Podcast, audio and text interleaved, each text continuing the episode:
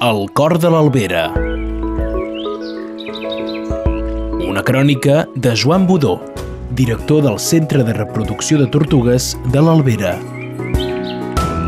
Aquest és el quart capítol del Cor de l'Albera a Radio Arrels, la crònica que parla dels animals salvatges que podem trobar en aquest massís situat entre les planes del Rosselló i l'Empordà. Avui, Joan Budó ens parla d'aquests invertebrats voladors que observem a la muntanya i vora dels rius, que són les papallones, les libèl·lules i els espiadimonis. Si comencem per les papallones, les papallones és un grup molt divers i que n'hi ha en molts ambients, tant els, en els ambients eh, més, més secs com més humits, eh, de més baixa muntanya, de més alta muntanya, i perquè tinguem una idea, a Catalunya tenim eh, 200 espècies de papallones diurnes, que són les que podem trobar eh, aquí al país. D'aquestes 200, eh, aquí a l'Albera, ara en aquest moment en tenim detectades 72.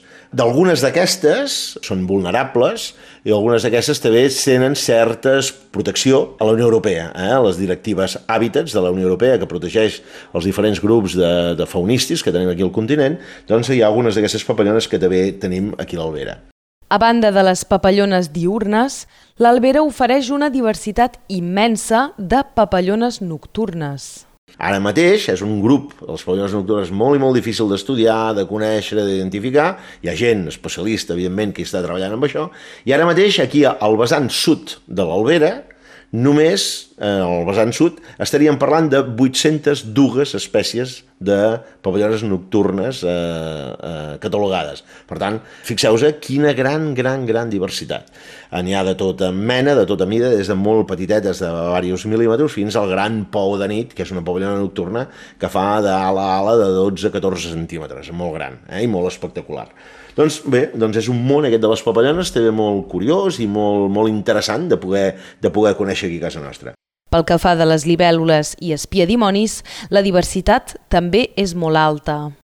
Pensem que aquí a Catalunya tenim ara mateix 70 espècies de libèl·lules i espiadimonis. I d'aquestes, d'aquestes 72, aquí a l'Albera en tenim 42. Què vol dir això? Doncs, bueno, un 60, el 60% de les espècies de libèl·lules que hi ha a tot Catalunya, doncs aquí a l'Albera el 60% doncs els, els tenim aquí. Per tant, fixeu-vos també quina gran, eh, quina gran diversitat en, aquests, en aquest grup d'invertebrats. Eh, clar, què ho fa això? Doncs el, que, el mateix de sempre, aquesta diversitat d'ambients, les libèl·lules són animals absolutament lligats als cursos d'aigua, eh, que és on hi van a pondre i on les seves les seves eh, larves es desenvolupen a dintre l'aigua, doncs, és clar tenim tot aquest conjunt d'estanys a les parts baixes de l'Albera, aquí al, sobretot al vessant sud de l'Albera, tenim rieres o zones inundables d'aigua a les parts baixes també, però tenim aquestes rieretes també de muntanya que baixen de les parts més altes d'aquí de la Serra de l'Albera cap a tant al vessant nord com al, vessant sud, que hi ha espècies també molt concretes, de llocs ombrívols, de boscos de ribera, que també, eh, que també els hi podem trobar. Entre 42 espècies de libèl·lules que hi ha a l'Albera, tres són molt altament protegides a nivell europeu, que són l'esparver d'aigua, l'espiadimonis blau i el donzell mercurial. Aquestes tres espècies són molt, eh, diríem, escasses a nivell continental, presents aquí a l'Albera, i per tant tenen aquest estatus de eh, vulnerables protegides com a, amb una protecció especial. Què està passant també doncs, amb, les, amb les libèl·lules, igual que amb les papallones? Una de les coses que hem de, hem de patir és per al tema del canvi climàtic.